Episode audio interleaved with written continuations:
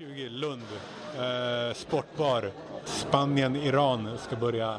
Eh, Argentina, Kroatien på storbild och eh, här var det atmosfär kan jag säga. Flytvästen tas på genom att tres över huvudet och knäppa remmen runt midjan. Klockan är tio över tre på natten på Gotlandsfärjan. Och eh, de första partisterna som jag såg var vilket parti? SD.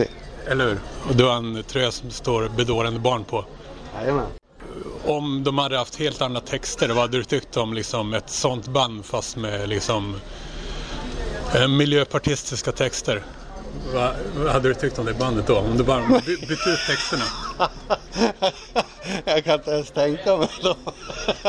Tänk. Ja precis, vad ska de sjunga om då? Gratis Mariana. Ja, det är Alltså de sjunger ju om det vi känner. Att det går inget bra för Sverige. Så det var ett inbokat?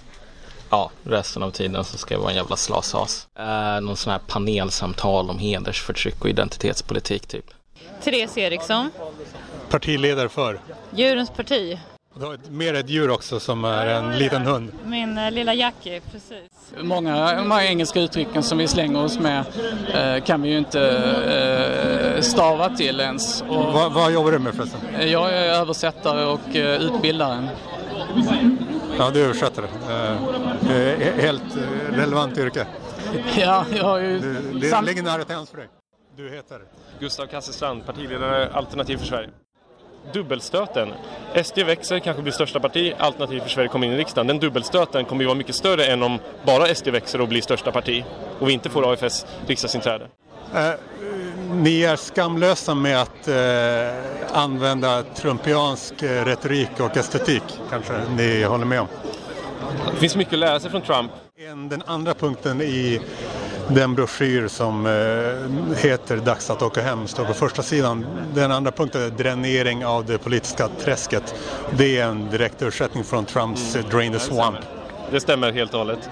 Så, och ni har kepsar också som är, eh, som är vita med Alternativ Sverige. De är lite trumpianska kepsarna, men jag tycker de är snygga. De, vitt blir ju vår partifärg på något sätt, även om vi har... Gustav III använde ju vitt till exempel när han genomförde sin, eh, sin eh, stora statsomvälvning. Så han är, han är en fantastiskt intressant kung, men det är väl inte därför vi har valt den, utan jag tycker bara att vitt passar bra och det är en, en oanvänd färg i svensk politik. Jag fick pollenallergi, men det är helst inget man pratar om för det är, ju, det är, det är ett tecken på vekhet liksom.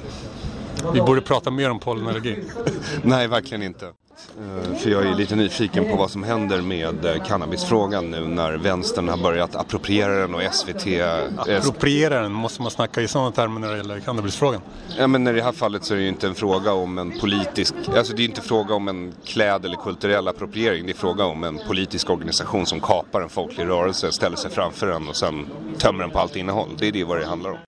SVT satt de, dels att de snackar om det kommer gynna cannabiskampen. Eh, Jag tror att när SVT bestämmer sig för att ändra svenska folkets eh, medvetande om någonting, då händer det. Ja, så är det. Och det kan ju vara positivt eller negativt eh, på det stora hela. Men jag, eh, Vad var det du störde dig på främst? Nej, men det jag stör mig på är för att de kommer inte basera...